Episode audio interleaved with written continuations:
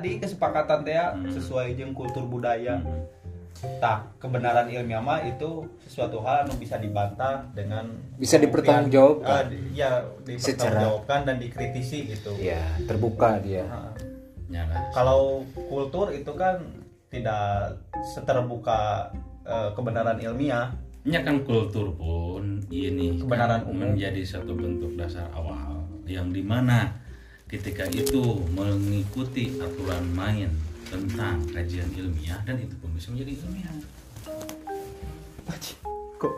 Karena kia bro, di kajian ilmiah ge, itu tidak bisa terlepas dari deskripsi-deskripsi. Heeh, gitu.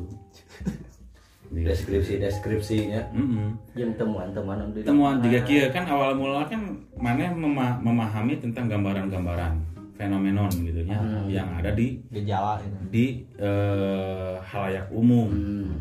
Ah, kemudian dari sanalah kamu dibekali dengan software-software pengetahuan. Ya. Bagaimana fenomena ini ketika kamu analisa dan kamu keteliti itu menjadi satu dasar ilmu pengetahuan gitu. Nah. Sehingga naon ketika orang berbicara berarti teori apa yang dia gunakan? Itu yang pertama. Kedua, metode apa yang ia gunakan? Kan gitunya. Ah. Dan yang ketiga, deskripsi apa yang ia gambarkan? Kayak tata cara. Sehingga dina karya ilmiah itu pasti tidak akan lepas dari tiga elemen tersebut.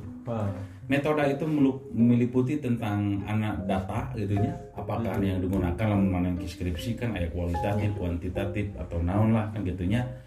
Teori itu sebagai alat pisau analisa awal kan gitunya untuk memahami gejala umum, sehingga deskripsi itu nanti kamu gambarkan. Ya kan gitunya jika tadi ngomongkan katakanlah pengetahuan lintas budaya.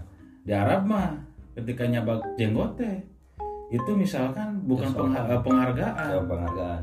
Beda jeng di orang di jabak jenggot teh penghinaan. Kan misalkan juga gitu. Sebaliknya. Ah dari mana itu muncul? Itu kan dari habit atau jadi kebiasaan. Kan gitu. Oh berarti ketika dianalisa kan harus gitunya pisau analisis jelas apakah kebenarannya secara Tah, berarti ngomongkan fenomena kultur gitunya yang ada dalam setiap negara itu ternyata ada suatu perbedaan yang ada kan gitu.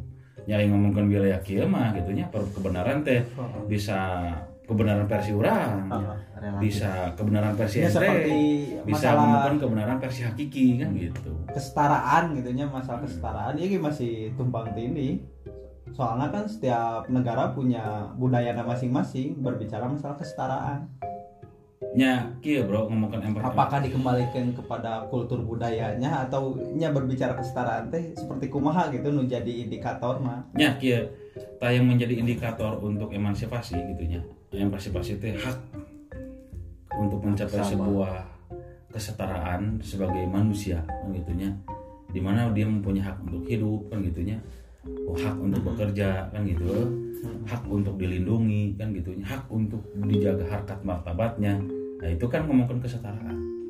Tah walaupun termnya sama yang itu itu juga cuman tadi hungkul ngomongin wilayah konteks yang membedakan oke?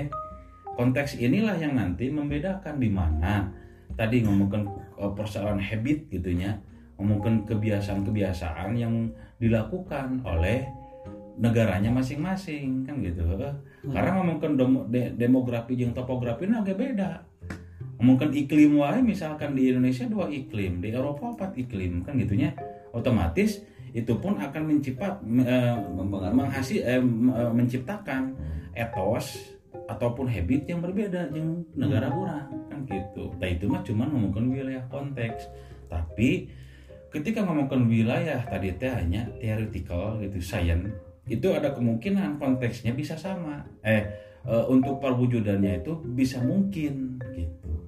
Akhirnya ngomongin buruh misalkan yang diomongkan Kusimak eh, itu kan di Jerman.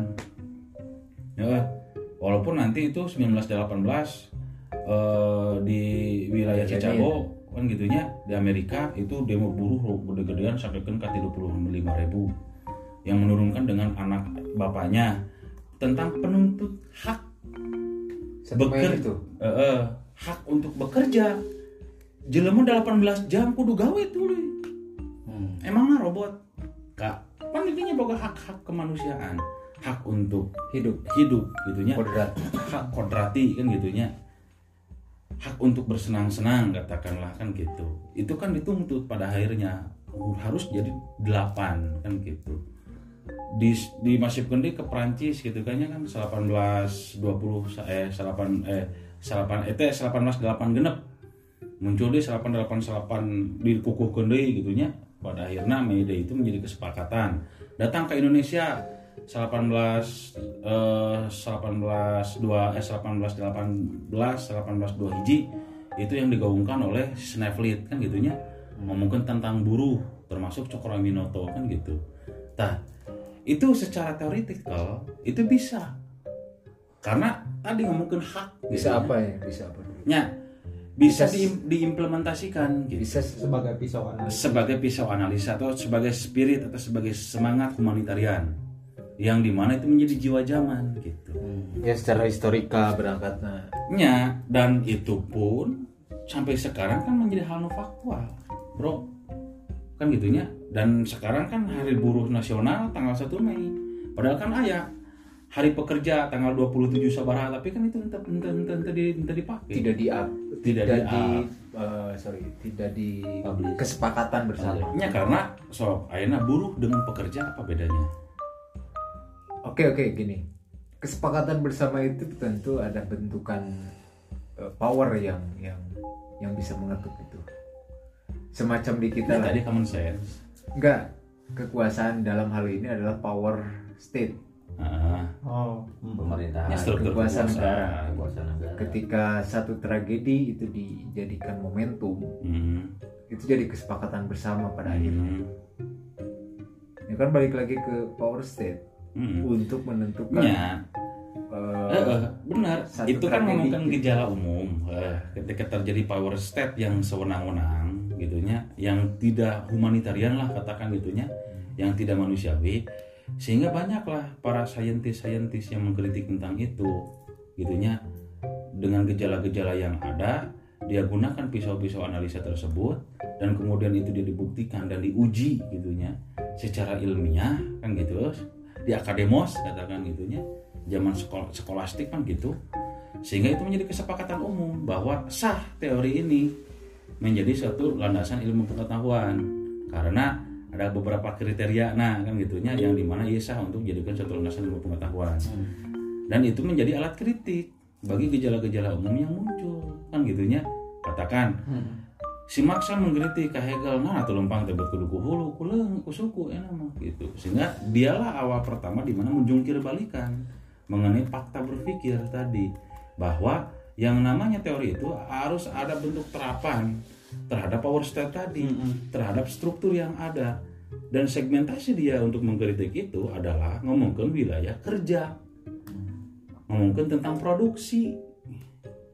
Sehingga di mana di dia ada istilah komproletar muncul kan gitunya di kamus-kamus baru. Ada istilah borjuis kan gitunya di mana satu kelak komproletar lah yang melakukan satu bentuk revolusi untuk merombak sistem tersebut. Tapi itu kan utopis.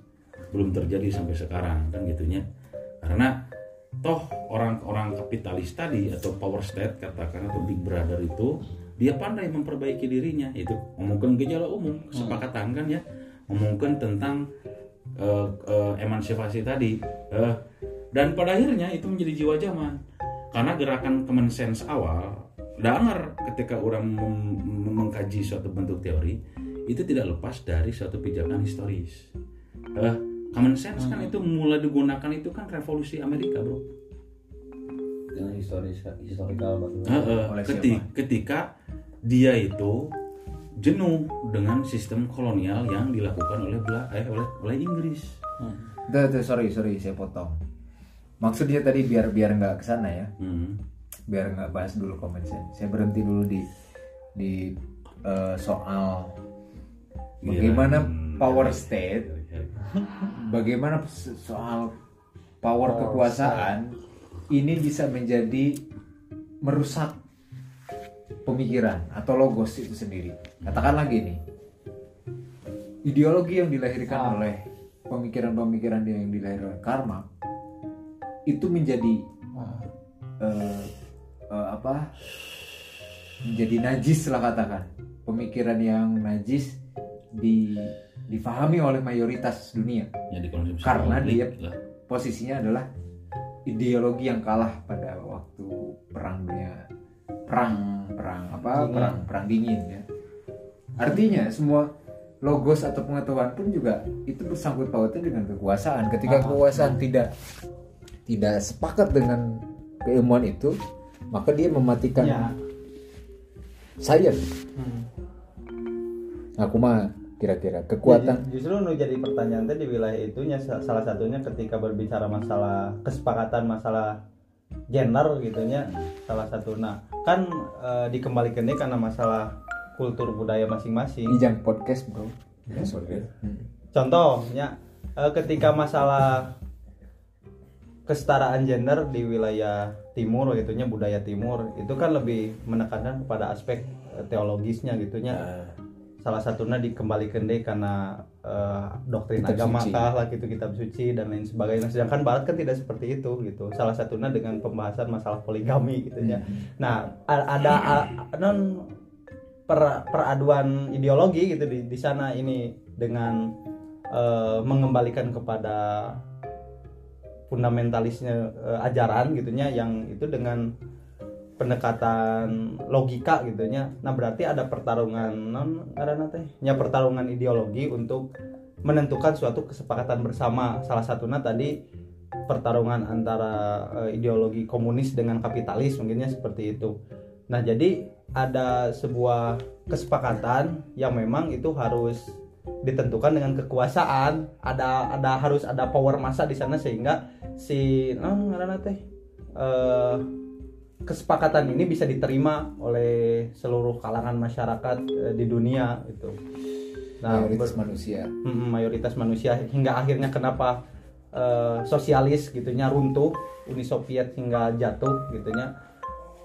Itu kan karena tidak mampu mengimbangi ideologi kapitalis gitu yang memang daya tawarnya lebih daya daya tawarnya lebih menjanjikan, gitu daripada Giur, ya. komunis daripada komunis gitu.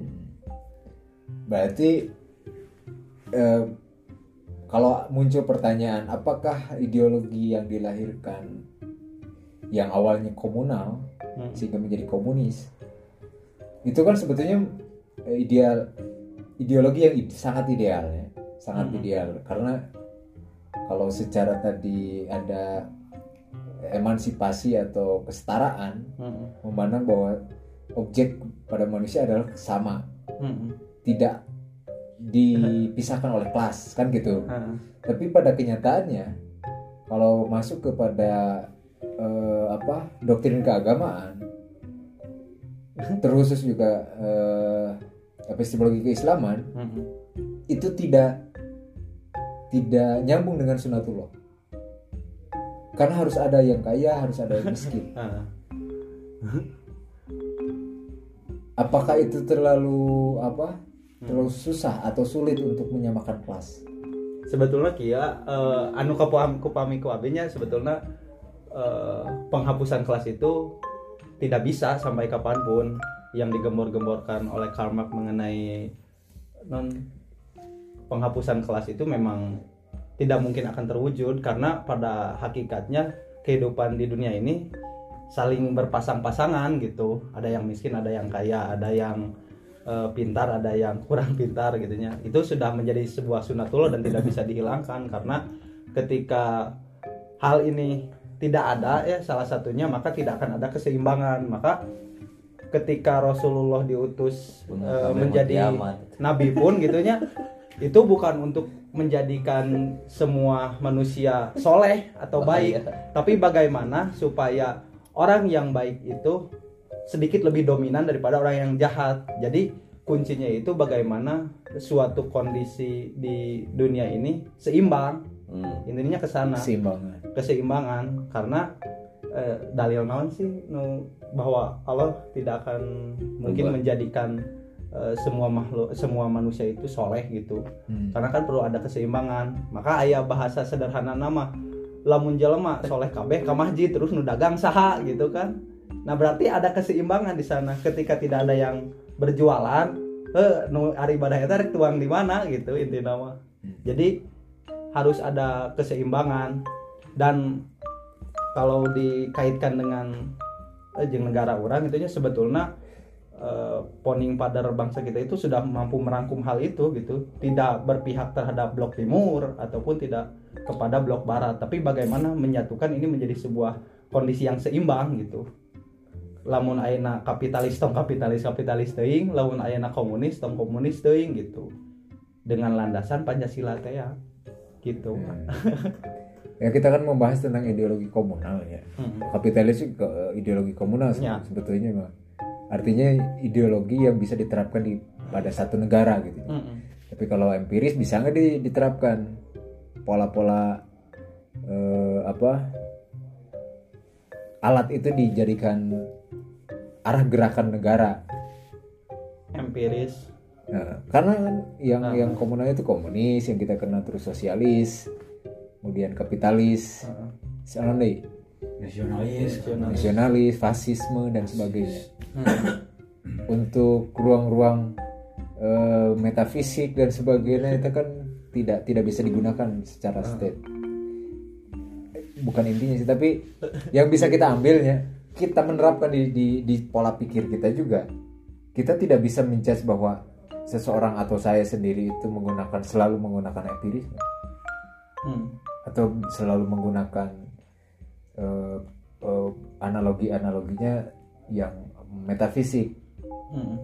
yang antitesisnya materialistik ya pasti kita ada satu waktu eh, menggunakan materialistik Aha. satu waktu kita kadang-kadang berpikir metafisik satu waktu kita juga harus meyakini bahwa keyakinan kita di dalam eh, tadi apa dogma-dogma keagamaan Hmm. Karena mau nggak mau kan kita juga harus yakin Al-Quran. Kalau penerapan secara secara sehari-harinya. Hmm. tapi kalau kita berbicara soal eh, pembahasan satu persatu ya kita harus punya senjata yang bisa kita andalkan di dalam mengupas satu permasalahan atau satu fenomena gitu. mau dipandang di sebelah mana nih? Secara empiris ya ayo gitu. Makanya kan inti daripada mengenal itu adalah kebijaksanaan sebetulnya. Wisdom. Wisdom. Ya lokal wisdom. Jadi jadi kuma Raka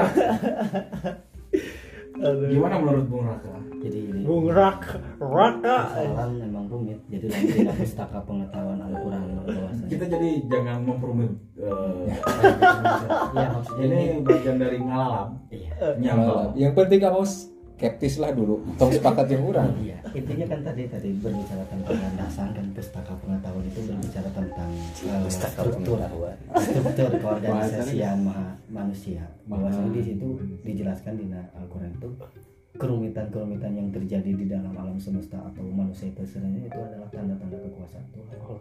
Gitu. Memang kompleks itu ke- ke- ketika berbicara tentang kemanusiaan, entah secara sistem ataupun secara eh, penalaran sekarang gitu ya pemahaman eh, logika peperangan sekarang gitu ya. Sehingga kan problem sekarang itu rumit gitu ya. Kalau di- dibawa ke dulu juga rumit. kalau dipada ke dibawa ranah-ranah teodisi gitu ya. Eh, teodisi tehnya berbicara tentang paham-paham keagamaan itu ya eh, akhirnya sampai ke kajian universal gitu ya tentang ketuhanan itu menjadi banyak problem-problem gitu ya. problem-problem entah itu secara kejahatan ataupun secara kebaikan. Problem kejahatan nah, akhirnya saling membantah satu sama lain karena mempunyai pandangan tersendiri gitu mengenai jalannya kehidupan. Gitu. Bintang kehidupan nah, ini keadilan sekarang kan fenomena sekarang akhirnya dualistik katanya. Akhirnya berbicara tentang hitam putih akhirnya berbicara tentang rasional jam empiri gitu ya akhirnya berbicara rasional ke ranah-ranah pemikiran. Terus satu sampai satu sisi samping lain berbicara tentang empiriknya. Pelaksanaan kumaha ayo we terus ngawang-ngawang gitu ngobrol ke langitan. Tapi Hmm. membumina kumaha kan sekarang gitunya akhirnya misalkan tentang ngobrolkan tentang perjuangan ke atau udah perangkat-perangkatnya kan perlu disiapkan. Oke gini gini pertanyaannya kak. Kak, Kak, pertanyaannya gini Eta problem luar biasa. Setelah menyentuh beberapa apa dengan bacaan apa logistik? bacaan bacaan raka atau bacaan bacaan teman-teman yang lain? Bagaimana raka menggunakan eh, bacaan-bacaan itu dengan kan ini guys guys guys loba ya? Mm-mm. pembahasan berede lah gitu ya. Nah lebih cenderung ke mana kira-kira? Kan tadi ada ada Nah. ada semacam kadang-kadang orang kia kadang-kadang orang pakai pola iya kadang-kadang pakai pola itu. Tapi di semua kadang-kadang itu Hmm. kita ada kecenderungan untuk memakai eh, pisau analisis yang mana nih? Kalau secara epistemologinya Pendekatan di mana? pendekatannya dari mana? Yang lebih cenderung. Dari doktrin keagamaan kah? Dari logika yang bermain tapi hari cabe mah tiasa ditentukan seperti gitu. Jadi lihat dulu situasi dan kondisi nah karena hari abi sendiri namanya ngudagna itu lebih kepada keseimbangan itu sendiri gitu. Ketika sekarang eh, kapital yang memang merajalela di sana di sini nah, di mana-mana gitu nya maka untuk membendung hal itu teh harus ada penyeimbang gitu. Sehingga tidak kebablasan intinya mah Adapun sebaliknya misalkan eh, komunis gitu ya, yang dianggap ideal oleh sebagian kelompok tapi kan eh, pada kenyataannya antara si miskin dan si kaya itu harus tetap ada gitu. Antara majikan dan si bawahan itu harus tetap ada gitu. Dan itu sudah menjadi sebuah non nominal teh? Sunatullah Eh, sunatullah gitu. Nyari abi mah lebih melihat kembali kepada situasi dan kondisinya gitu sesuai kondisi eh, tapi kan kondisi. ada ada lebih kecenderungan kalau kita memahami diri sendiri ya je mengalami katukang katukang orang berpikir salila iya orang lebih cenderung ke mana sih dengan sebagian kita telah mengetahui lah beberapa Ah. hanya beberapa selera iya mau pendekatan Kalau aku, Kan itu harus oke. gini ya. Ya. Karena gini, eh, kita kita kita kembali kepada alam background kita masing-masing. Maksud dalam artian gini, mungkin orang ketika waktu dia dibesarkan itu cukup mempengaruhinya. Konstruk di mana dia dalam menentukan sebuah sikap, oke, seperti itu. Karena Berarti dipertemukan dengan pilihan. karena gini posisinya. betul dah kata si Feuerbach dia kan berkata bahwa manusia itu adalah apa yang ia makan dan apa yang ia konsumsi. Dalam artian di sini bukan konsumsi perut saja, tapi yang dikonsumsi isi kepalanya, gizi-gizi ya gizi-gizi yang dikonsumsi secara hatinya kan gitunya. Dan itu mempengaruhi bagaimana manusia tersebut bertindak kan gitunya, berperilaku. Oke, notabene waktu dulu saya dibesarkan dalam tradisi pesantren. Hmm. Ya, kita berbicara yang empiris aja. Iya. Eh, eh, hal yang eh, faktual yang dialami Pernah.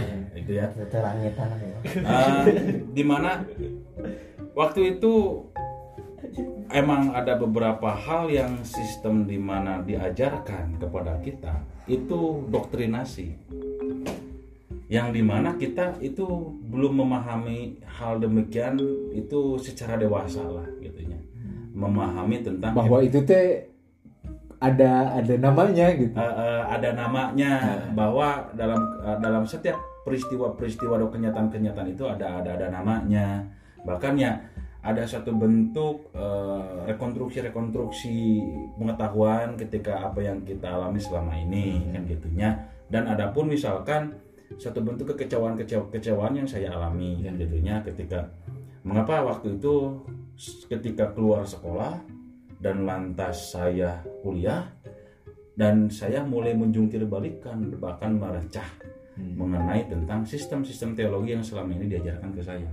Kan gitunya karena ya ada satu kesalahan emang di sana karena saya berangkat dari rasa kecewa karena kecewa itu agak agak dikit masuk ke wilayah emosi dan menghilangkan akal sehat saya sehingga eh, cenderung kurang bijak atau arif untuk menyikapi tentang peristiwa tersebut.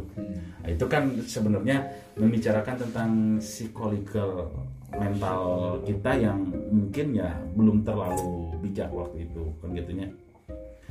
Dan saya pada akhirnya meninggalkan hal demikian kan gitu. Mencoba untuk mengkritik habis-habisan, menjungkir balikan mengenai tentang fakta-fakta teologis tersebut.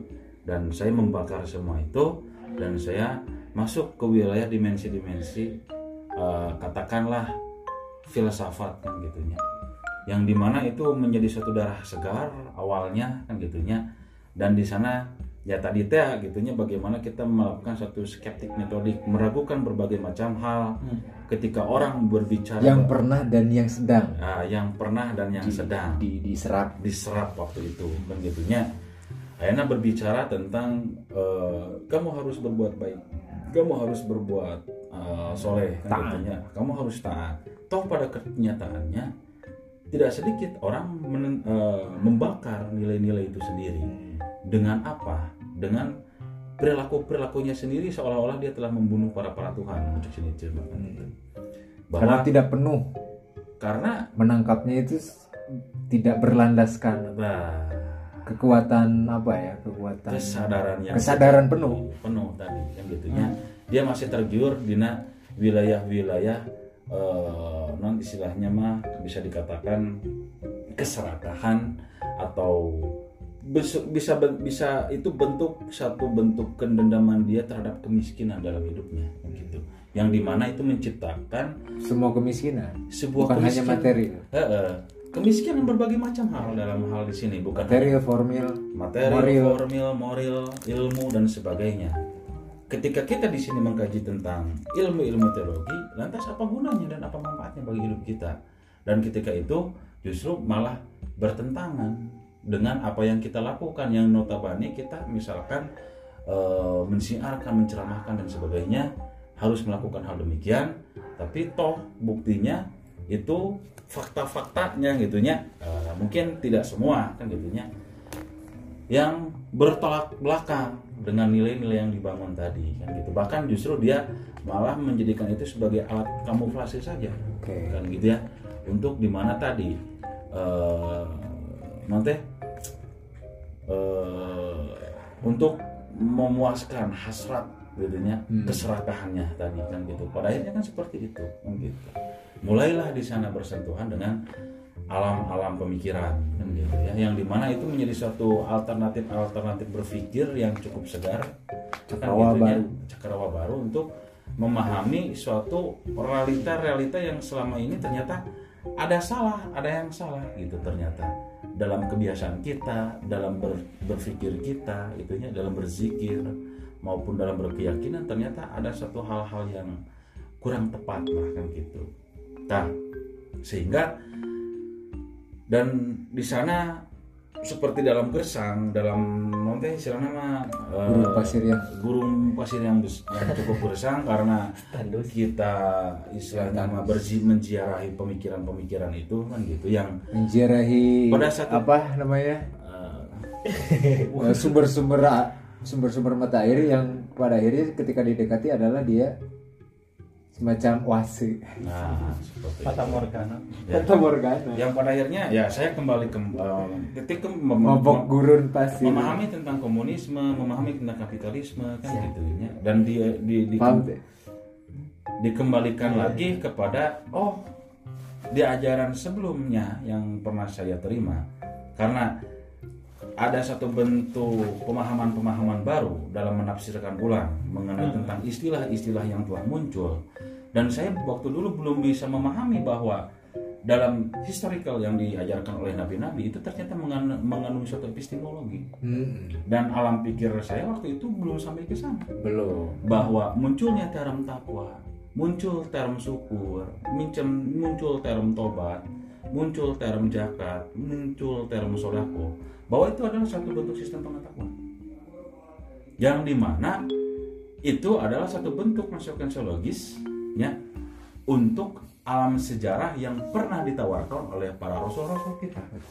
bahkan bahkan ketika tadi landasan historikalnya itu dari Ah. teologis Nah, lebih cenderung teologis ketika kita menge- mengenal dan membuka ruang-ruang oh ternyata itu ada namanya ya teologis namanya yang dulu kita di pesantren tidak, tidak tahu.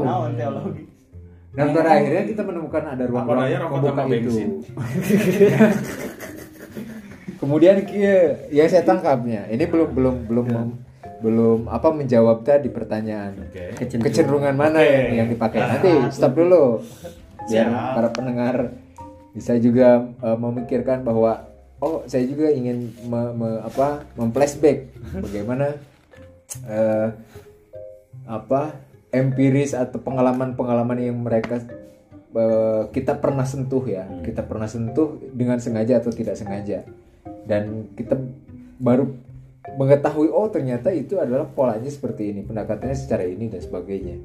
Yang pada akhirnya kita eh, tadi peresapan diri terus kemudian merenung apa yang sudah kita lakukan apa yang oh ternyata obrolan yang kemarin-kemarin atau yang dulu pemikiran-pemikiran ini ternyata masuknya ke sini. Dan atau mungkin juga ada falasi atau kesalahan berpikir. Sehingga Kualitas tadi yang yang eh, yang sudah dilampaui itu tidak bisa dilepaskan.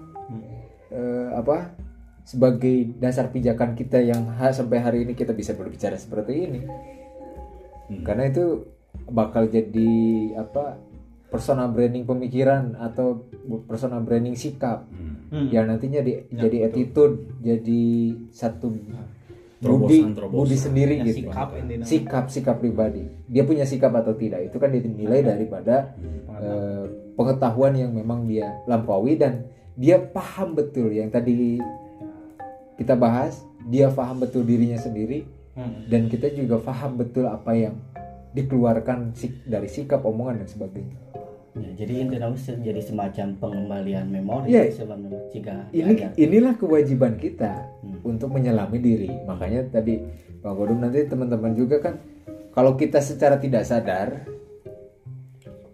kita meren eh, saga sakir we sa sakna na mencek Faisal mah tadi nyalamun Islam Islam keturunan we geus gitulah. jadi kita. Ah teuing naon we nu Nu penting papangker mah- pakai naon sebagainya jadi intinya ketika masuk ke ruang-ruang atau membuka cakrawala tentang berbagai logos Hmm. oh ternyata ini masuknya ke sini masuknya ke ternyata ya itu ada ada term-termnya. Termnya.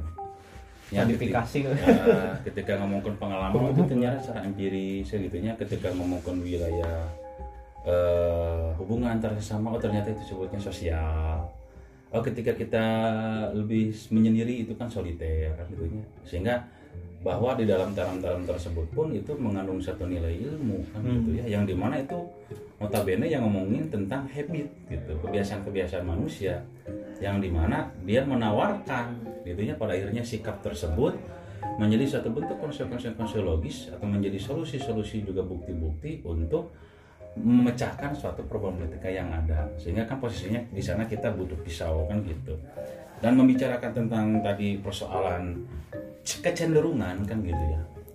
Ya kalau ngomongin kecenderungan gini kalau kita membicarakan tentang kecenderungan alam pikir kita, alam keberyakinan kita yang selama ini terus dikonstruksi dari zaman ke zaman, dari waktu ke waktu gitu ya, dan teruji oleh hal demikian kan gitunya. Karena di sini notabene ya katakan kita adalah orang-orang yang beragama gitu ya, yang berkeyakinan, eh, yang berlandaskan terhadap nilai-nilai eh, teologis gitu ya. Mungkin beda lagi teologis bagi orang-orang ateis kan gitu ya. Nah, oke. Tah, karena notabene di alam Indonesia ini itu kebanyakan adalah orang-orang yang beragama apa pun itu jenis agamanya sehingga yang selama ini saya pahami bahwa ketika ngomongin gejala-gejala yang terjadi gitu ya di Eropa sana hasil yang saya pahami gitu ya dari literatur literatur, literatur yang pernah saya baca itu dalam artian bagaimana mereka menjungkir balikan sejarah ya yang tadinya dia meyakini tentang arti kebertuhanan dan dia bunuh Tuhan tersebut dan dia menciptakan sistem Tuhan baru ya sehingga sistem normatif teologisnya itu dihancurkan. Dan dia menciptakan sistem normatif teologis versi mereka. Dan itu menjadi satu nilai baru ya. Dan itu menjadi satu etos baru habit baru kan gitunya bagi eh, negara-negara mereka kan gitunya berbeda halnya misalkan dengan negara kita. Intelektual-intelektual kita di sini bagaimana mereka tetap menjaga kestabilan tadi gitu. Menjaga kesetimbangan tadi agar nilai-nilai normatif teologis yang pernah dikonstruksikan atau didoktrinasikan dari zaman ke zaman sampai ke sekarang itu tidak dijungkir balikan justru Hmm. itu tetap bagaimana dirawat tapi posisinya bagaimana dengan sistem teologi yang baru tadi Hmm. yang di mana itu kita katakan sebagai science apakah itu science humaniora kan gitunya science teknologi kan gitu ya. Itu menjadikan piranti atau menjadikan instrumen untuk memperkuat nilai normatif teologis yang yang udah ditetapkan dari zaman ke zaman dari waktu ke waktu. Sehingga paham-paham empirisme atau paham-paham tentang sosial gitu ya pengetahuan-pengetahuan sosial pengetahuan-pengetahuan empiris itu bisa dijadikan satu bentuk alat teoritis untuk mengembangkan tentang nilai-nilai normatif teologis tadi gitu. Sehingga tanpa merecah atau tanpa menjungkir balikan kembali nilai-nilai kebertauhidan yang pernah dibangun dari zaman ke zaman kan gitu.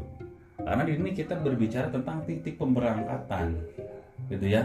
Di mana mereka dilahir di rahim mana mereka dilahirkan dan di rahim mana kita dilahirkan? Kan gitu. Yang di mana pada akhirnya itu juga bisa menghasil eh, bisa menghasilkan gitunya suatu bentuk aturan main yang berbeda juga. Kan gitu.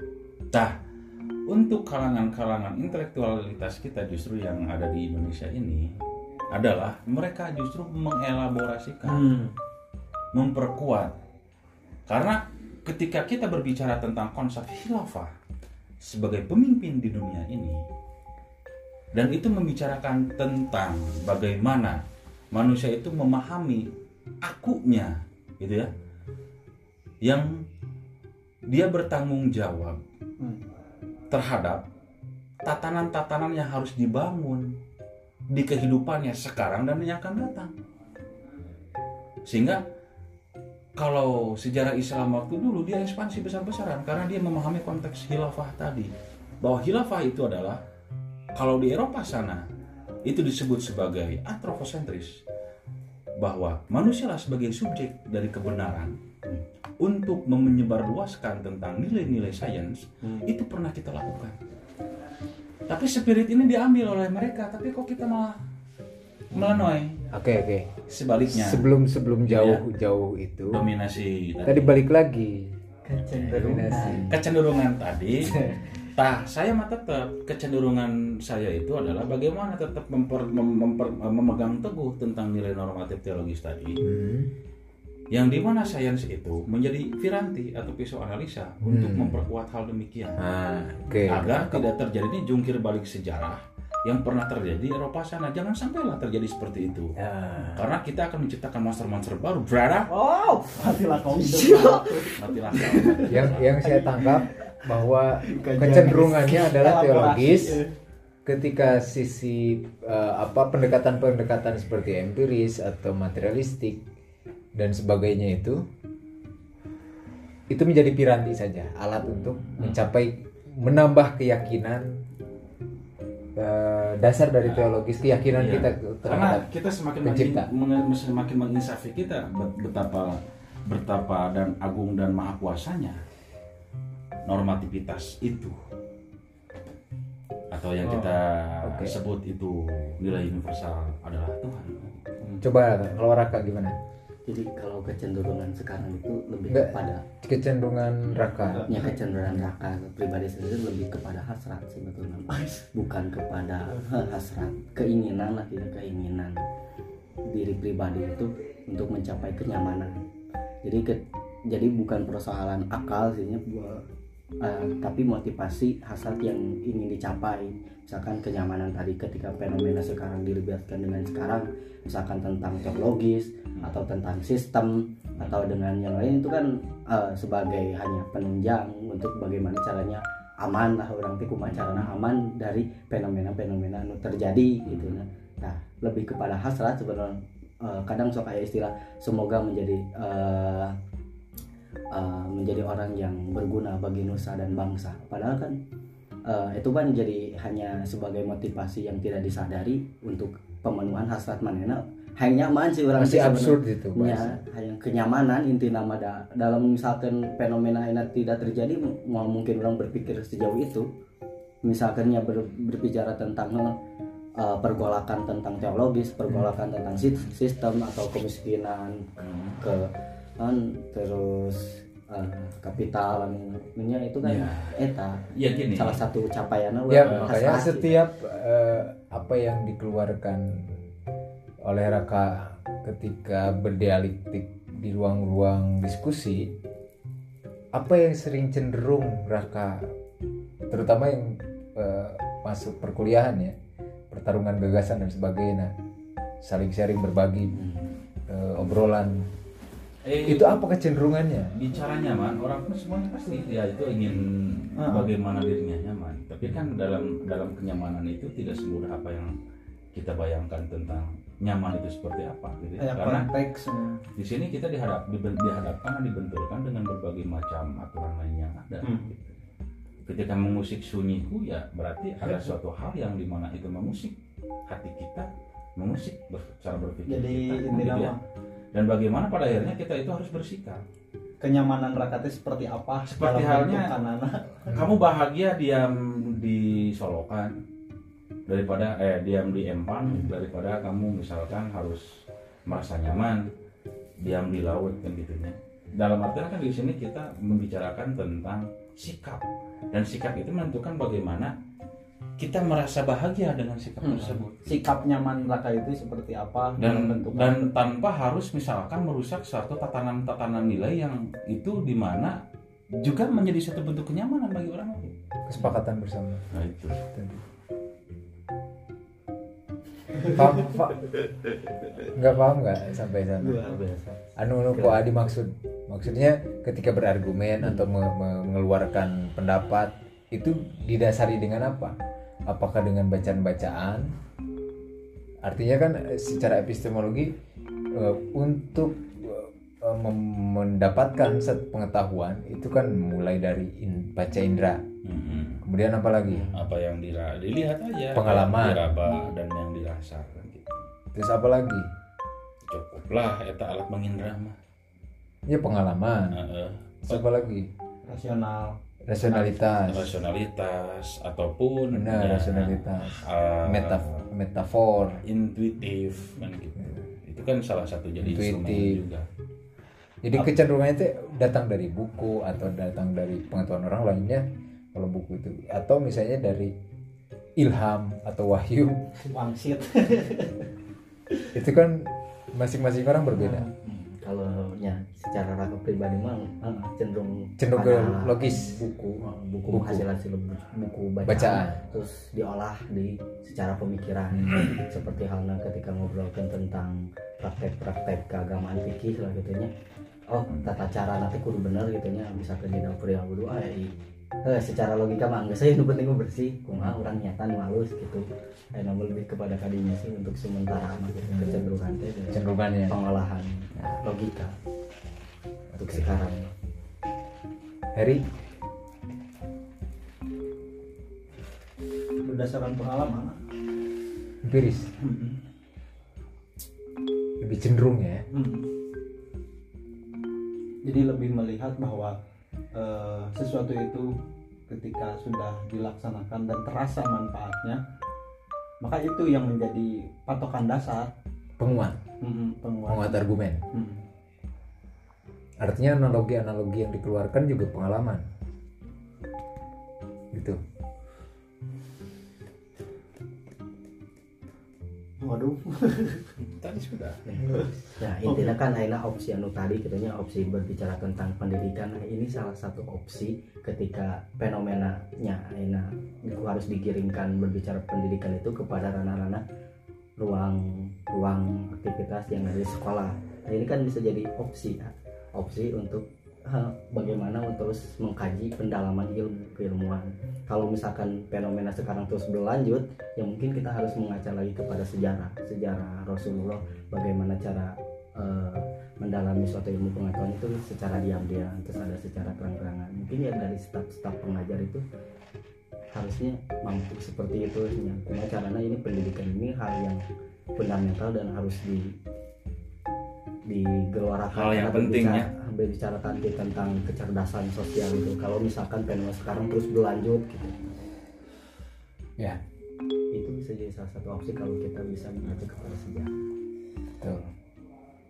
sih sebenarnya kembali lagi kepada gotong royong lah gitu nilai-nilai lagi. Ya tugas manusia itulah bagaimana untuk menyederhanakan Hmm. dari kerumitan-kerumitan Kan itu yang makanya kita bahas ini agar kerumitan kerumitan-kerumitan yang tadi itu terurai. ya, terurai dan menjadi satu bentuk alternatif-alternatif jawaban Kan kan itu yang menjadikan landasan kita ngobrol iya agar semuanya terurai yang dipikirkan kuraka rumit itu ya kita pecahkan bersama Hmm. dengan pola gini yang diajarkan Socrates. Hmm, berdialektika Saya juga belajar dari Lacan tentang kerumitan-kerumitan itu. Tapi tidak akan saya tidak akan bisa menangkap kerumitan ketika penyampaian kerumitan itu tidak tidak Bisa. ya masih absurd gitu. tidak tidak distrukturkan Hmm. secara Mana mana akar masalah kalau misalnya di, di Ah. karya tulis ilmiah mah rumusan masalah nah no, iya menjadikan Kerumitan itu. masalah naon wae. dan, Rumusan dan masalah. di sana kamu membutuh pisau tadi kan gitu. Hmm. karena tadi kan ketika rumit itu muncul karena adanya suatu fakta yang ideal itu bertentangan dengan fakta yang Heeh. senyatanya benar tuh antara harapan dan antara harapan Dan yang kenyataan. sejati dengan kenyataan yang desolen. yang faktual gitu ya itu bertentangan dan di sana muncul muncullah kerumitan-kerumitan kan gitu sebenarnya permasalahan itu muncul dari sana nah bagaimana caranya kita menciptakan berbagai macam konsep konseologis dan menciptakan berbagai macam alternatif-alternatif berpikir atau solusi agar di mana itu menjadi satu bentuk eh non istilah nama kemudahan-kemudahan yang kita ciptakan untuk kerumitan-kerumitan yang tadi muncul kan gitu Nah, nah tadi yang dipertanyakan kembali adalah mengapa kerumitan-kerumitan itu muncul? Padahal aturan mainnya itu udah diberikan secara secara detail kan gitu ya. Apa yang melatar belakangi manusia justru? Dia itu eh, istilahnya apa ya? Bertentangan lah gitunya. Atau bisa dikatakan eh, non melenceng kan gitu ya. Dari rel yang telah ditetapkan. Itu menjadi pertanyaannya. Mengapa itu terjadi? Dan itu terus berulang-ulang. Dari generasi lampau generasi sekarang mungkin generasi yang akan datang. Yang gitu apakah itu emang disebut dengan keseimbangan? Apakah itu yang disebut dengan rahmat? Kan seperti itu. Hmm. itu kan dalam artian di sini perlu dikaji ulang. Perlu dipahami ulang mengenai tentang istilah-istilah yang bermunculan tadi sampai sejauh manakah kita eh, memahaminya dan kedewasaan kita memahami hal demikian Tong pusing kak. dan itu Tapi itulah modal sebetulnya. Iya. Kerumitan itu menjadi modal. jadi jadi nu maksud kerumitan di teh bukan dalam artian rumit anu teu bisa diselesaikan yang pasti ada eh, nanti terurai lah gitu ke persoalan itu rumit gitu tapi di sini ditekankan lebih kepada ya. kerumitan itu tidak hanya menjadi jawaban langsung instan gitu ketika seseorang menanyakan se- suatu perihal apa kan terkadang orang menanyakan sesuatu perihal fenomena ataupun fenomena yang terjadi itu ha- harus langsung Hmm. dijawab secara langsung padahal kan butuh pengkajian Ya. dalam ataupun penghayatan atau pemikiran yang eh, dipikirkan tidak kan sekarang Betul. kebanyakan langsung Hmm. ya kumaha ya jauh langsung kan Ya. instan kan Ya. itu yang buru-buru instan terselesaikan gitu kebanyakan Ya. gitu Nah, tapi akhirnya kan eh, nyokot kesimpulan anu eh, kurang kurang efektif kadang Hmm. ya biasanya kan seperti itu maka kunci dasar nama eh, kerumitan itu ada karena ketidaktahuan dan ketidakpahaman ketika Jadi kita harus- sudah mengetahui apa yang dan- harus eh, dilakukan kan gitu agar misalkan tadi ketidakpahaman tersebut atau ketidakmengertian tersebut dan di mana itu adalah gambaran satu bentuk kerumitan kan gitunya dan pada akhirnya kita bingung. Dan langkah apa yang harus kita lakukan kan gitu.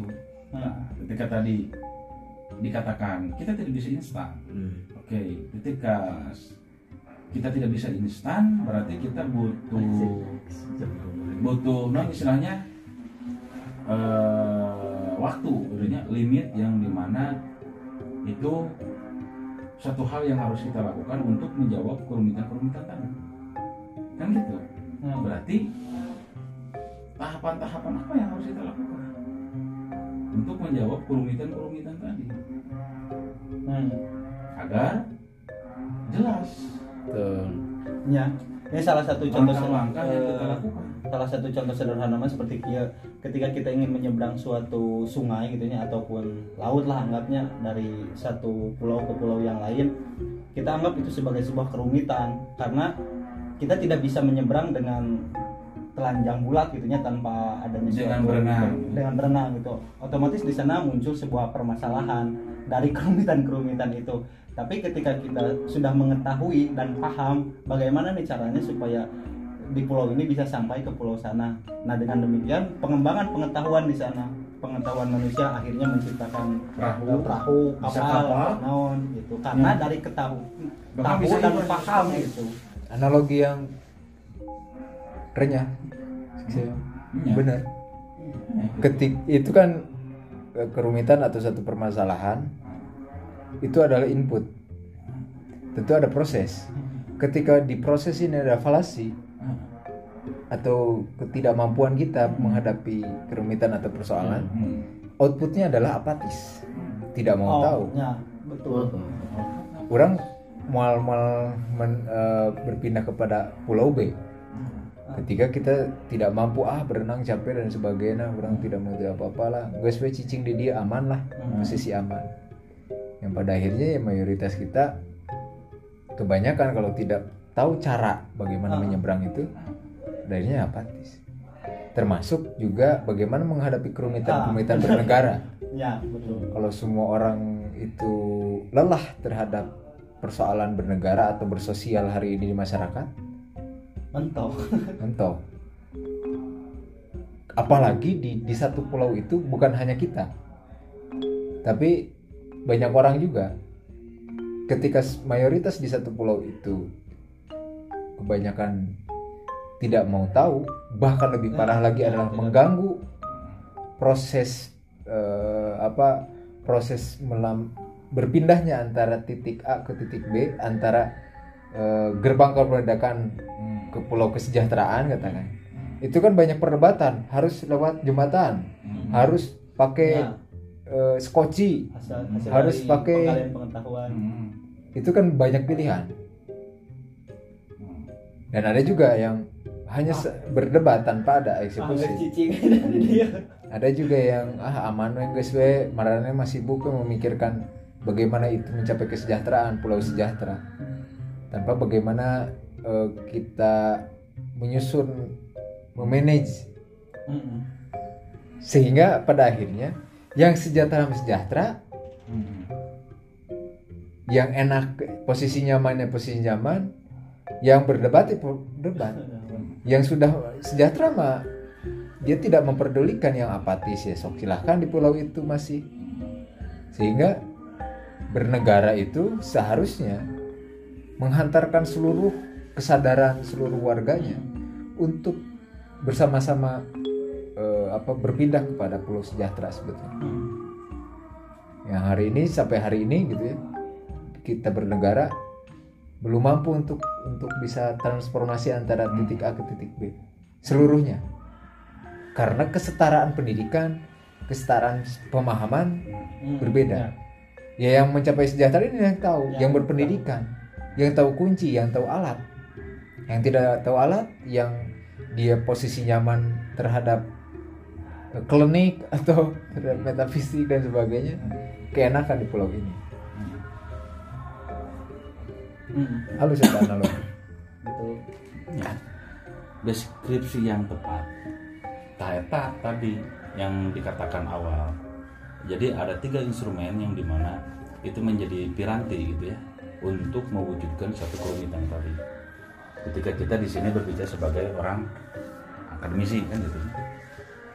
Tadi deskripsi apa atau penggambaran-penggambaran apa yang menggambarkan tentang kerumitan tersebut kemudian langkah-langkah berarti metode apa yang harus kita gunakan? Dan termasuk misalkan teori-teori gitu ya. Dalam artian itu adalah suatu bentuk pisau untuk menganalisa bagaimana kerumitan itu bisa terpecahkan. Jadi bisa kagamar ke mana ke? Ketika jam terbang mana itu udah jauh ketika orang itu berdialektika dan kamu akan bisa tergambar.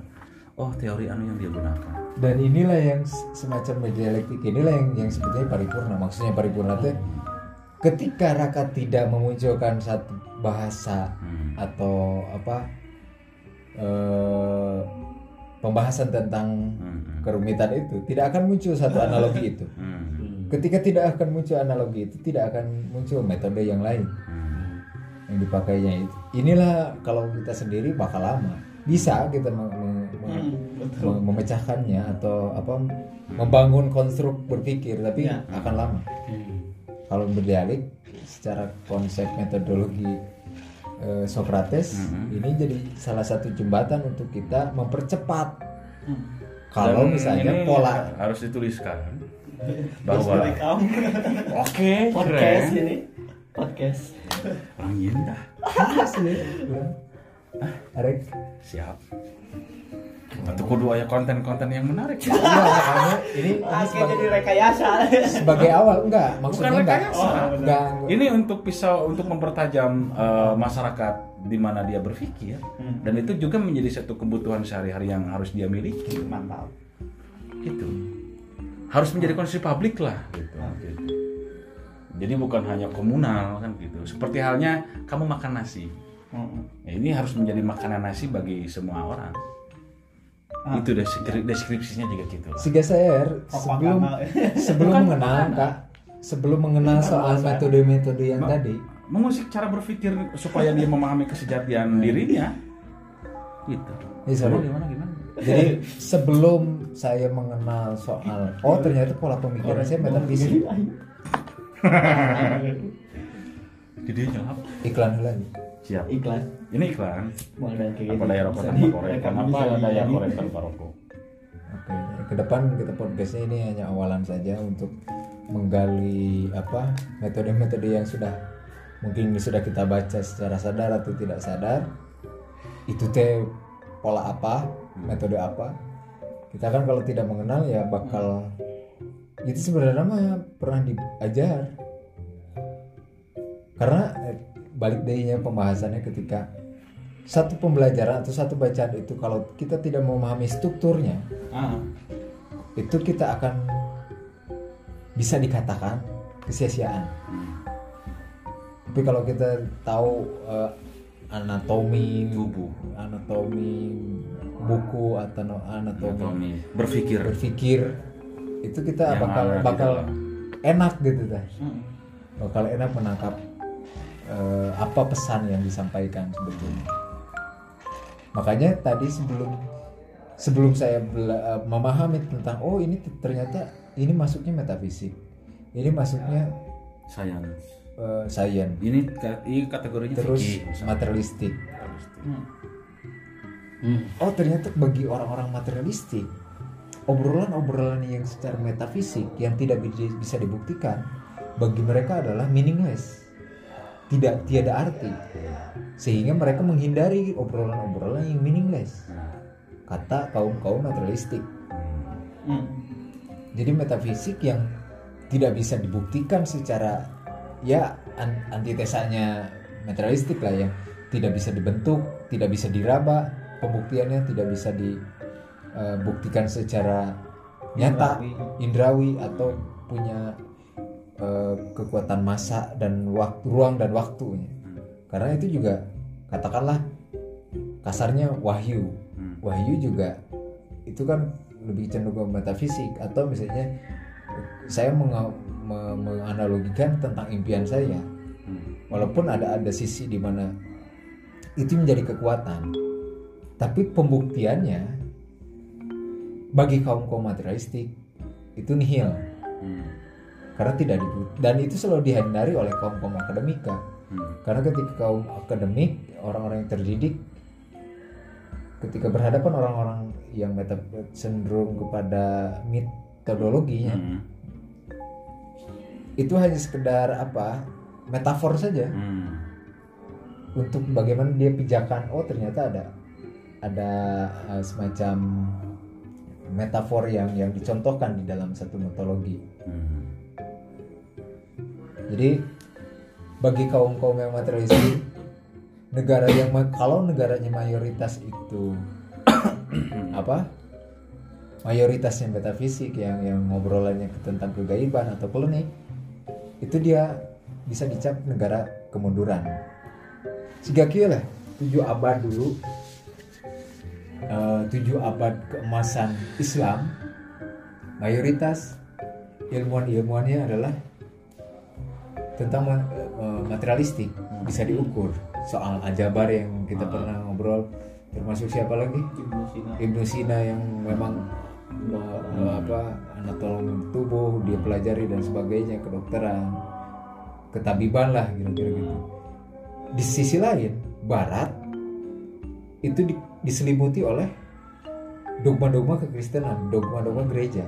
Pada ketika saat, eh, sisi lain di wilayah eh, negeri Islam itu berpikir tentang ilmuwan-ilmuwan yang materialis. Maka Ah. dia dicap eh, apa tujuh abad itu adalah keemasan. Tapi sebaliknya ketika tujuh abad keemasan itu hilang di sisi lain daratan Eropa itu renaissance. Membuka cakrawala. Dari mulai seniman pemikir ideologis dan sebagainya malah di kita muncul kaum kaum atau pemikir-pemikir yang lebih cenderung metafisik untuk untuk apa para sufi untuk eh, apa Hmm. eh, mengobati Hmm. kemunduran mengobati keruntuhan Hmm. muncullah seperti Imam Ghazali muncullah Baru Jailani, Abdul Qadir Jailani untuk Qayyim. apa mengobati Ibnu Arabi. Ibnu Arabi mengobati keruntuhan zaman keemasan Islam Hmm. yang lebih cenderung maju dalam Hmm. eh, keilmuan saintifik masa keemasan sehingga ada ada bahasa-bahasa dari ilmuwan-ilmuwan atau pemikir-pemikir Islam yang lebih cenderung mengobati itu gitu. biarlah kita kalah di dunia tapi di akhirat kita menang itu kan pola-pola pengobatan secara eh, apa secara pendekatan Hmm. Eh, sisi emosional agar kita tidak cenderung kepada keterpurukan Terpurukan supaya kita jadi tetap tengah lamun teu ieu berdaya lah. dibalik deui gitu berdaya Ah, masih ah. ada daya untuk eh, sisi sisi Dan spiritual itu satu bentuk alternatif berpikir keren kan? keren juga Justru, justru bukan apatis tapi kita berusaha bersabar membangun daya yang kuat Anak panah, teh. Ah, itu. Untuk menciptakan satu dobrakan-dobrakan baru. Bom. Apa pun Dan- itu semangat. dan hari ini dibarengi dengan ikhtiarnya. Betul dan Ya, hari jelas ini. lah. Makanya jelas. makanya pola pola pemikiran pasrah, pasrah itu bukan diam jadi cantik. Jadi pola-pola pikir yang Jelas, tadi yang yang materialistik Hmm. itu akan eh, tidak akan bisa penuh secara keimanan ketika tidak didorong dalam tekad. Spiritual. Contoh saja sekarang Barat memang maju, tapi secara moral iya hilang. Ya. Nah inilah mungkin jawaban daripada keseimbangan ah keseimbangan. keseimbangan sejarah Islam. Balik ya, deh, karena tadi mungkin itu pun keseimbangan. di bangsa pun kita sama gitu ya Betul. fakta seperti di luar secara eh, spirit tadi yang notabene kita di mana itu percaya Tuhan tapi ya tadi ya Tuhan itu dipinggirkan itu tidak menjadi suatu bentuk kehadiran yang menginsafi kita untuk melakukan suatu tindakan-tindakan yang katakanlah itu tepat gitu ya untuk nilai-nilai humanitarian, tadi. Entah orang aya aya aya aya pertanyaannya anu anu kene masih katanya eh, jadi sebuah namanya bagi orang teh nyalah aya referensi-referensi nu lain sih nya beberapa faktor di mana fase abad ke-14 Ah. di mana fase abad ke-14 teh nya posisi memang Islam disebutkan gitunya dalam dina konteks teks mah gitunya Hmm. mundur Hmm. gitu salah sahijina nu memang oke eh naon kaum muslimin gitunya salahnya Islam lah gitunya salah sahijina diharamkan kan gitu Hmm. ngakaji filsafat Ah. gitu dan di mana fase abad ke-14 teh gitunya fasena nyemeureun Imam Ghazali Hmm. gitunya Enggak. Imam Ghazali Abad abad 14 secara 14. hijriah. 14 14 Hijriah apa Masehi? Masehi 14 Masehi 14 Ya di sini kan kita bisa mempelajari gitu ya. Tah eta naon anu latar belakang ini Jadi gejala-gejala apa yang membuat kita menjadi eh, generasi yang mundur secara saintifik secara saintifik gitu ya. Apakah mundur dalam artian di sini kita mencoba ngawahan lah gitu ya untuk meloncat lebih jauh? Apakah di sini bisa dikatakan bahwa kita mundur emang mundur makna secara umumnya kan gitu. Nah, mungkin di sini dalam artian eh, tadi itu ya kita perlu mengkaji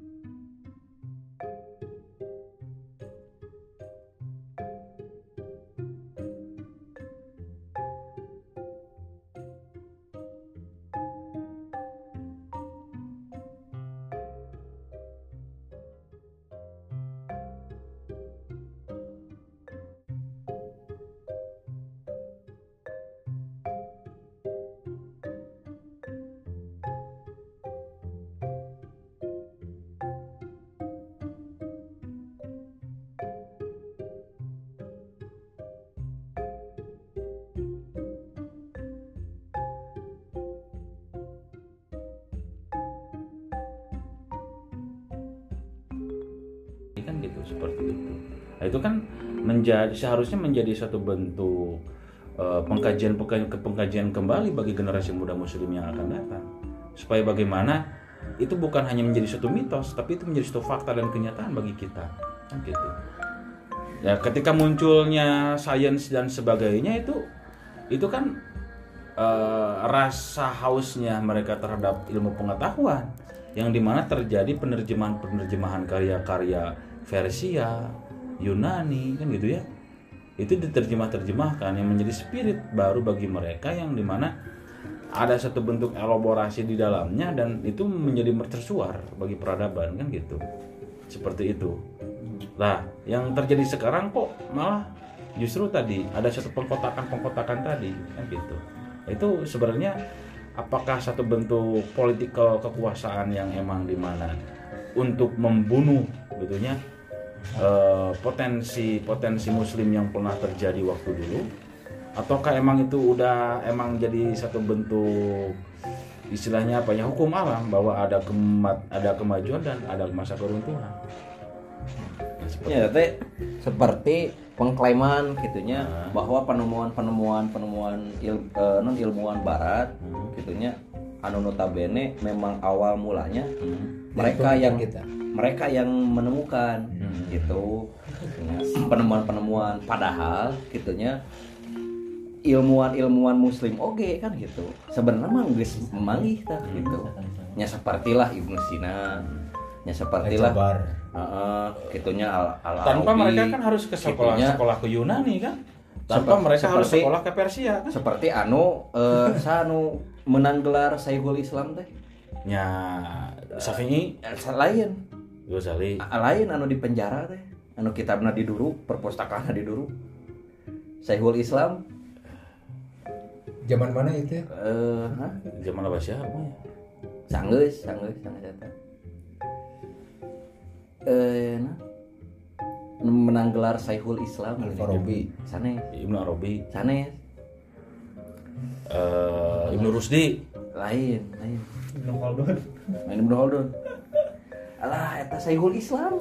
Udah udah udah udah udah. Ah eta. Si kopi banyak Eta jeung Ibnu Qayyim lah gitulah, jeung Ibnu Qayyim. Ibnu Qayyim al-Jauziyah Hmm. Nah, eta kan naon? Salman Al Farisi zaman Nabi.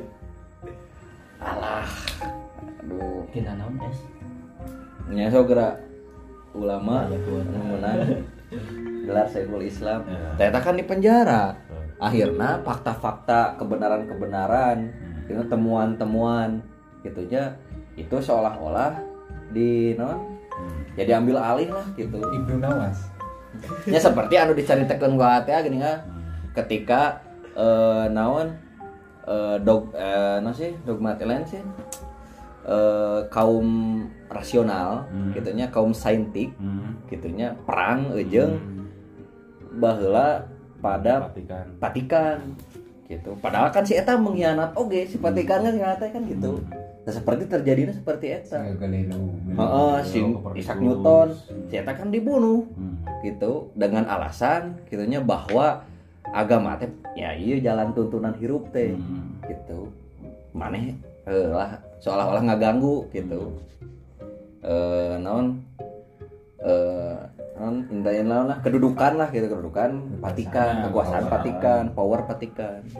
Jadi wah disingkirkan Ya pada padahal akhirnya si kan power pada power pada akhirnya mah karya si eta kan dibawa. Karya si eta kan karya si Isaac Newton dibawa ke patikan. Disimpan ke manehna si goblok kan gitu. Sejak awal sih sebenarnya di zaman Socrates, Plato Dan Nah iya gejala-gejala kieu sih teh euy. Urang teh anu tadi nu mempengaruhi gitunya naon state power state Hmm. gitunya anu pada akhirnya gitu ta anu pada akhirnya ieu mempengaruhi pengetahuan historikal Hmm. gitunya ke knowledge lah ke, ke pengetahuan ieu nya ka generasi nu selanjutnya gitu. Jadi kan bimbang simpang siur kan gitu aja. Rumit. Rumit. Ieu teh urang terek heeh kan. Iya teh rundayan teh misalnya iya perjalanan teh kan itu kumaha. suka tengah-tengah. Rumit. Rumit. Jadi yang yang yang bahaya itu bukan eh, yang tidak mendengarkan, tapi setengah mendengarkan. jadi dibahas deh Nah, masak tadi teh aduh. Jadi dibahas deh. Sebagai to mah ulah apa eh deui gitu. Tah akhirnya akhirnya kieu urang teh nya. Nu akhirna urang lain-lain menyimpulkannya lamun menyimpulkan geus stop Yes, dirinya. yes. Tapi orang berasumsi gitu nya ber, Hmm. berasumsi Ya, ya, ya asumsi berasumsi bahwa gitu nya eh, non titik eh, tolak tina gitu nya persoalan nu tadi humanitarian nu tadi nya yang ngomongkeun asas manfaat Nah, gitu. Ya, Oh, iya, tidak perlu Ah, ngomongkeun asas deui, mah. ngomongkeun asas manfaat. Tah dina ngomongkeun asas manfaat ieu ieu bakal mempengaruhi lingkunganana Betul. gitu. Nah anu tadi akal sehat manehna ieu bakal dina alam bawah gitu. alam bawah sadarna teh manehna bakal naon? Terdorong dengan sendirinya. Oh aing kudu HD tah kadituna teh bakal HD tah gitu Ini bagaimana dia itu bisa mendobrak jeruji-jeruji? Manehna teh Maksudnya, geus boga prinsip kadinya mah halangan. kadituna teh geus semua ngomongkeun humanitarian no, ngomongkeun emansipasi ngomongkeun kesetaraan moal Tapi- gitu. Dan manehna geus selesai gitu. Hmm, geus selesai ngomongkeun tentang bahwa anu dilakukan ku manehna teh HD hmm. gitu. Geus Ya. aya pola dasar anu dibawa ku manehna Ah, gitu. Ini dalam artian itu bagaimana kan mewujudkan, Hmm. mengimplementasikan kan gitunya mengenai tentang self consciousness lah gitunya atau chip yang udah tertanam di alam Tertanam. bawah sadar manehanana sehingga itu menjadi satu keberulangan yang terus dia gunakan untuk mewujudkan tentang kebersadarannya itu menjadi satu bentuk kenyataan dan menjadi konsumsi publik. Kan gitunya jadi rumit deh tidak Oh, tidak. Oh, itu. dan dan dan dan, dan itu pada ini. akhirnya menjadi menjadi satu bentuk. Tadi itu ya analisa analisa kritis. Bagi sehingga terjadilah seperti zaman Abbasiyah. Abbasiyah kan dikatakan sebagai profesor masyarakat bro Hmm. jadi saking masyarakat juga itu satu katakanlah sampaikan ke tukang-tukang ojek ke tukang-tukang ya welahnya beca. Dia tuh begitu mencintainya ya. Ya dialog terus. Heeh. Dan di sana pada akhirnya menjadi satu iklim yang di mana itulah yang di- menjadi satu masyarakat yang madani jadinya. Masyarakat yang madani itu seperti itu. Ketika dia memahami tentang potensi potensi dirinya, gitu ya. Memahami tentang alam berpikirnya, mengalami tentang alam berkesadarannya, dan itu menjadi satu nilai etik bagi dirinya. Dan menjadi satu bentuk sikap bagi dirinya, kan gitu ya, untuk menja eh, eh, untuk menciptakan asas kemanfaatan tadi.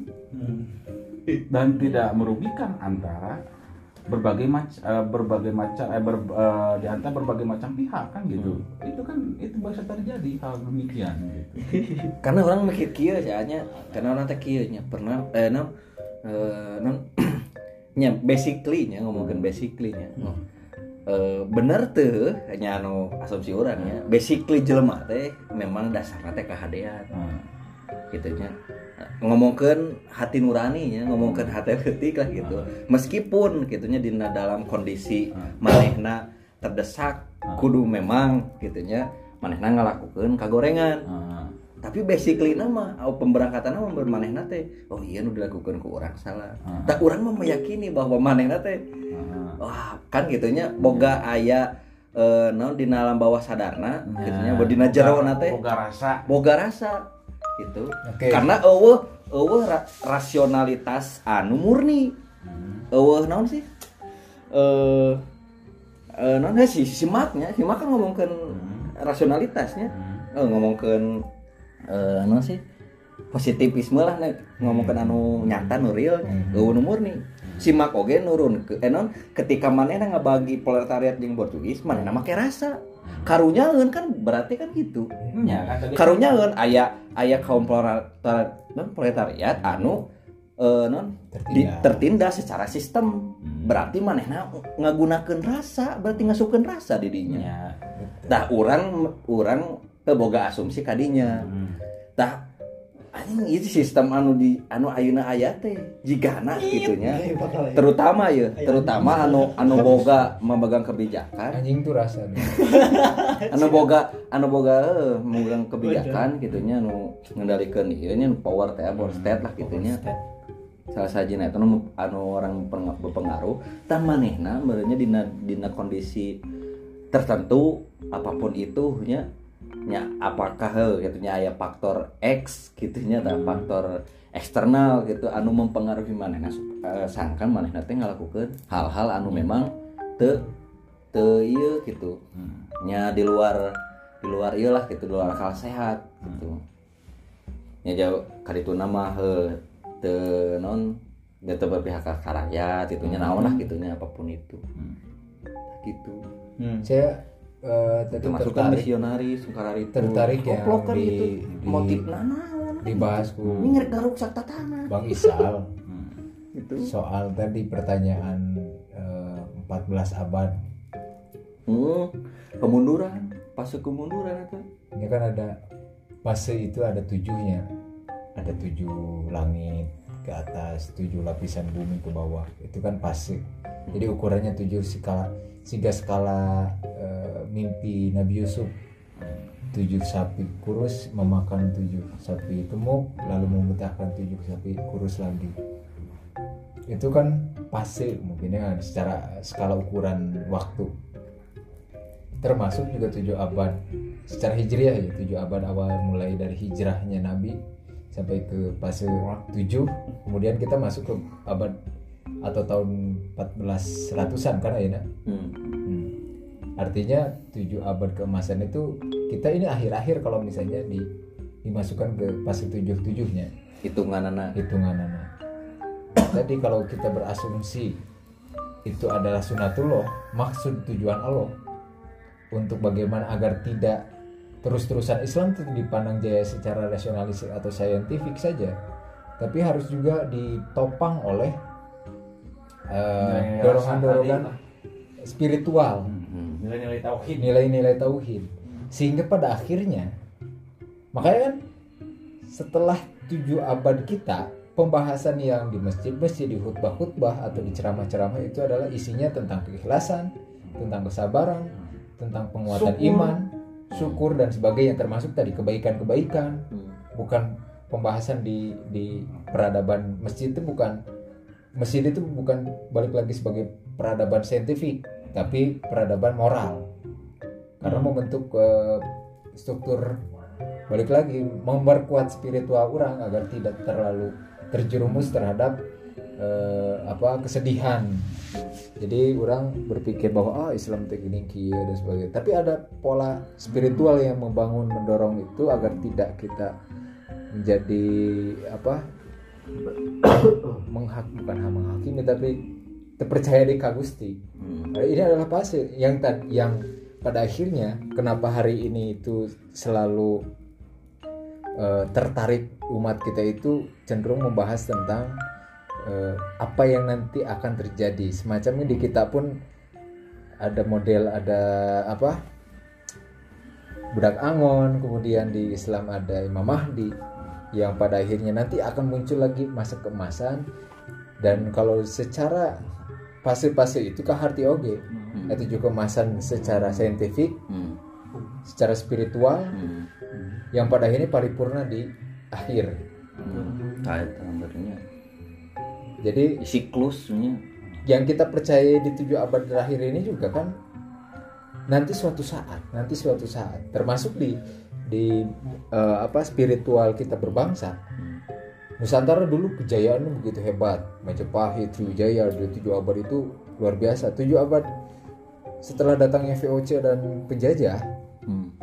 muncul kerajaan-kerajaan kecil ditopangi oleh apa penjajah dan sebagainya. Kerutuhan lah itu mulailah dibentuk sama Jepang atau penjajah itu kita memperbudak akal mem- apa bukan memperbudak apa jadi mental kita direndahkan ditutupi masa-masa kejayaan kita agar eh, apa mental kita turun.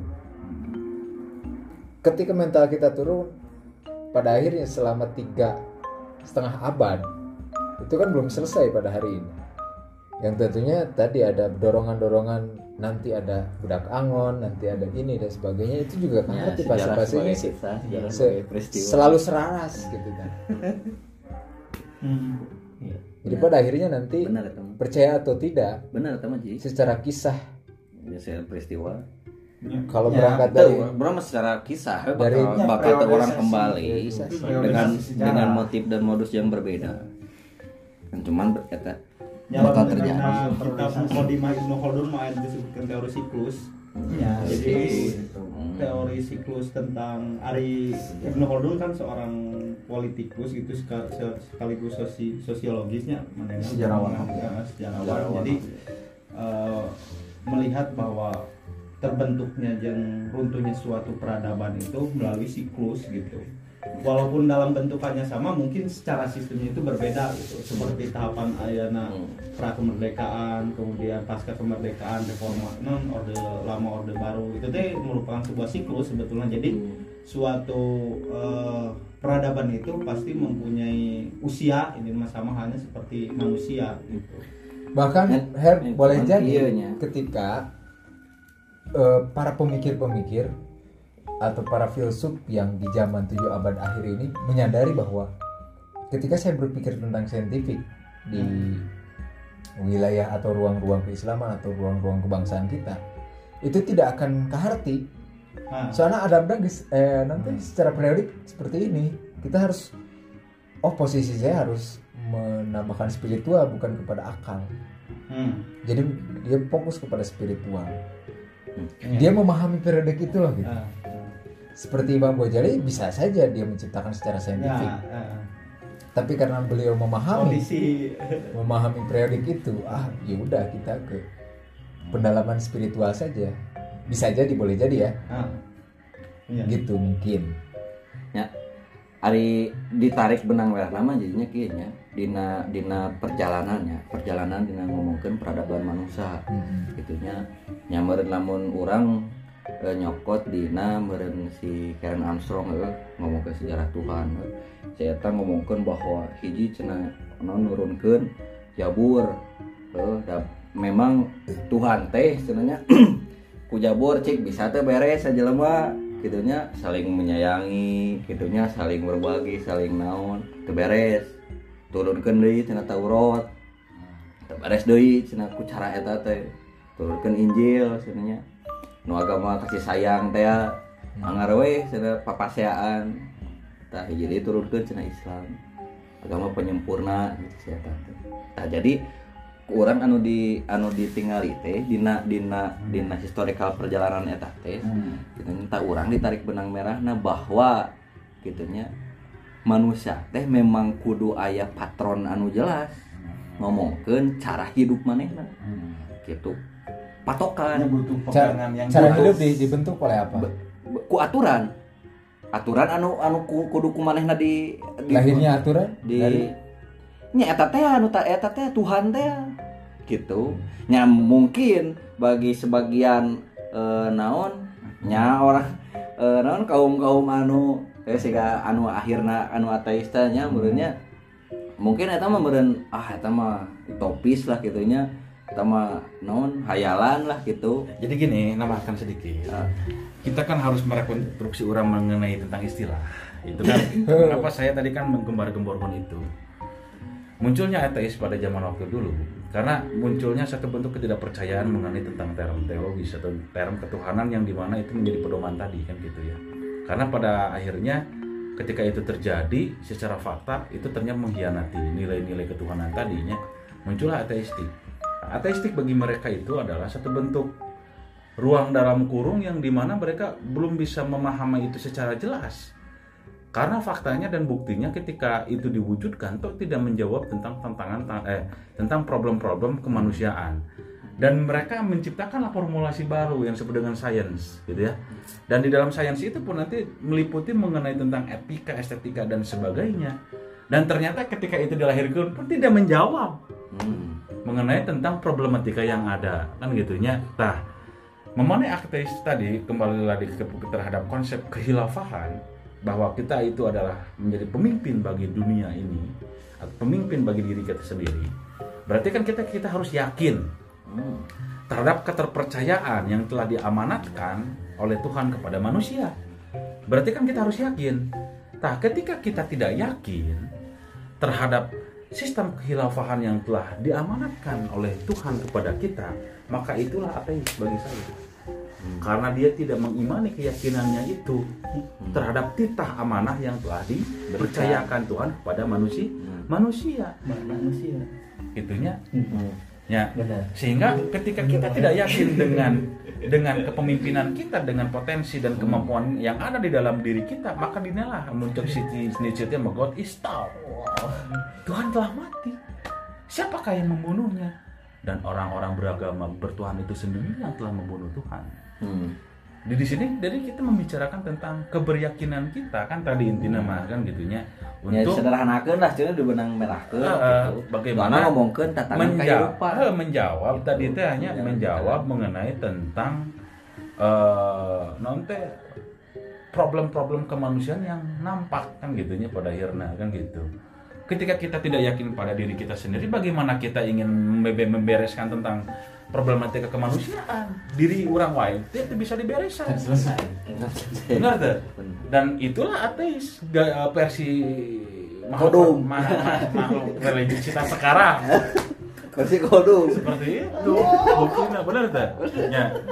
Dan muncul apatisme apatisme mengenai keberyakinan tersebut. Dan itulah kamu telah meminggirkan Tuhan di dalam sistem kepemimpinan diri Hiduplah yang telah dipercayakan oleh Tuhan tadi. Maka yakinlah. Oh iya.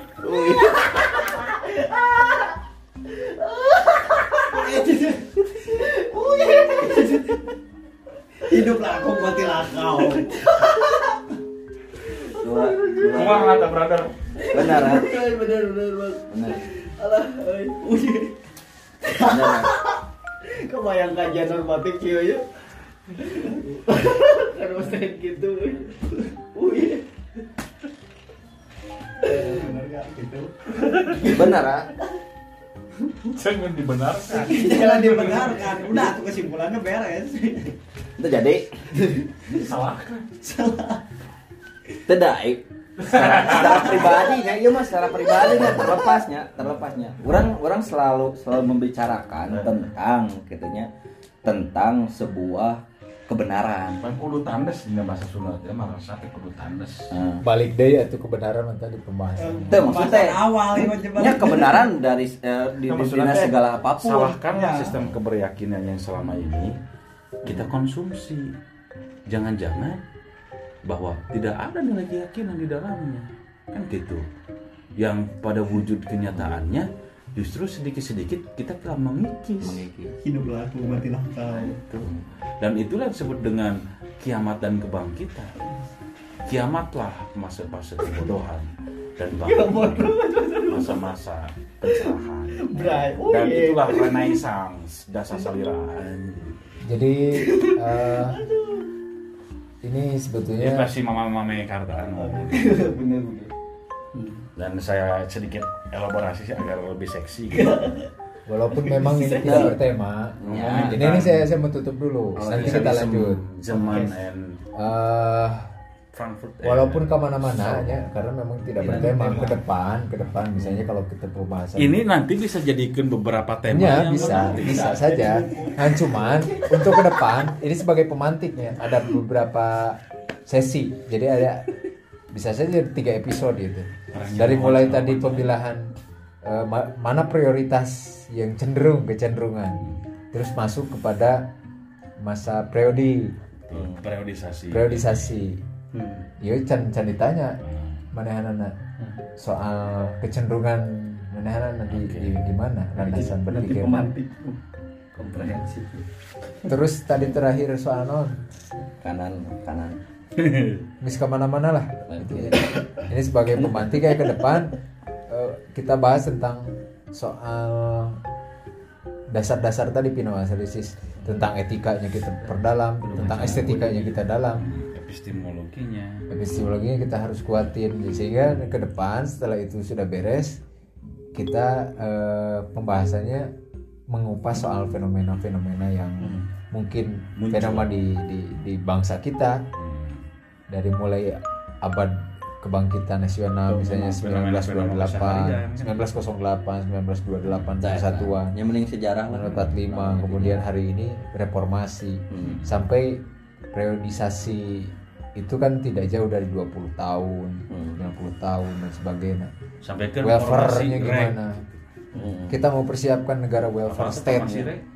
1945. formasi revolusi Ya, itu itu mungkin ya sebagai sebagai penutup nanti Oke. kita akan sambung lagi. Nanti kita periodisi sejarah dari mulai berdirinya NKRI sebelum berdirinya dan kita gunakan pisau analisa geopolitik, geoekonomi, gitunya, science. Kita betul-betul bedah soal bagaimana pola-pola Nah, eh, Instrumen- masa instrumen yang- instrumen reformasi mereka ya yang dibangun. 98 sampai ke runtuhnya dalil-dalil apa saja yang mereka gunakan gitu. Sampai itu beberapa Ya. episode kita bahas. Dan nanti kita buat wawancara-wawancara dan kita berangkat ke toko-toko. Iya. Dan Eh, tadi harus digagas ya, bagaimana bahasa Iya, iya. Nanti ini ini jadi Kajian Jabar Jabar mengkaji. ini jadi tiga fase podcast untuk teman-teman. Jadi ini sebagai dasar. masalah. Selamat menyambung nanti.